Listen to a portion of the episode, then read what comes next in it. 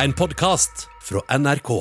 Vi har snakket om det før, men jeg syns det er på tide at vi gjør det igjen, for sædcellene til norske og vestlige menn sliter alvorlig. I løpet av bare 40 år har sædkvaliteten falt med nesten halvparten, nærmere 50% Og doktor Munkvik, vet du noe mer nå enn sist vi snakket om dette, hvorfor dette skjer? Nei, man vet ikke så veldig mye mer om det, kanskje, men det er jo Noe er jo riv ruskende galt. Noe er galt, ja. Det som kanskje er feil, er at har man problemer med få barn, og blir hjulpet til å få det, så vil jo sannsynligheten være større for at avkommet etterpå vil få de samme utfordringene. Oh, ja. Kanskje. Man vet ikke nøyaktig det, men det kan jo være at det er et lite problem. Og jeg skjønner jo at veldig mange som har et barneønske, men mangler sædkvaliteten til å oppnå dette på egen hånd, ønsker hjelp. Men det, det kan jo være et problem da, at en bruker sædceller som, eh, som kommer fra et, eh, et litt dårlig parti, til å få til dette, da. Er dette noe dere leger diskuterer imellom eh, over kaffen?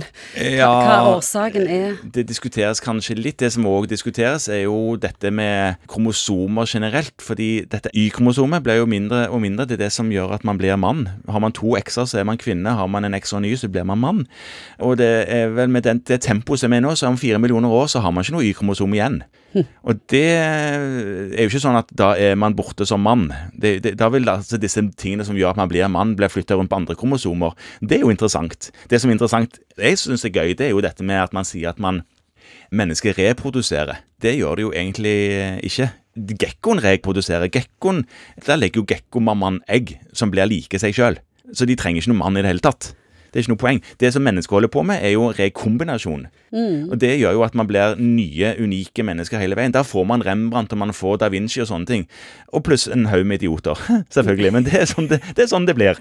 Eh, og det, det, det er det som er mangfoldet, heldigvis. Men det at det skjer med vestlige Altså, det er norske og danske menn som sliter mest. Noen snakker om at noe skjer hos guttene i fosterstadiet ved utvikling av testikler. Andre mener det er miljøgifter i alle produktene vi bruker. Andre mener det er kosten.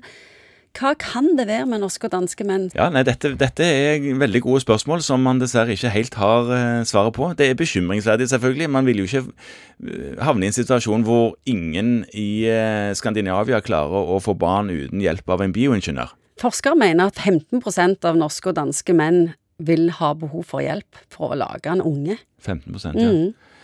Jeg håper noen driver og tenker på dette. Er det sånn at unge menn kanskje bør begynne å fryse ned Ja. sine? Nei, eh, nei jeg, jeg, jeg tror ikke det. Jeg, jeg, dette er vel et, eventuelt et problem som de har med seg fra, fra tidlig i livet, og ikke noe som kommer etter hvert.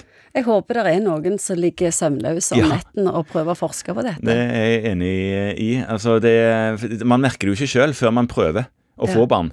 Fordi det som kommer ut ved ejakulasjon, er jo alt mulig annet enn sæd. Så hvis man ikke har sæd som fungerer ordentlig, så vil man ikke merke det. Bare få blå sæd hvis det er et problem. Det hadde jo vært veldig greit.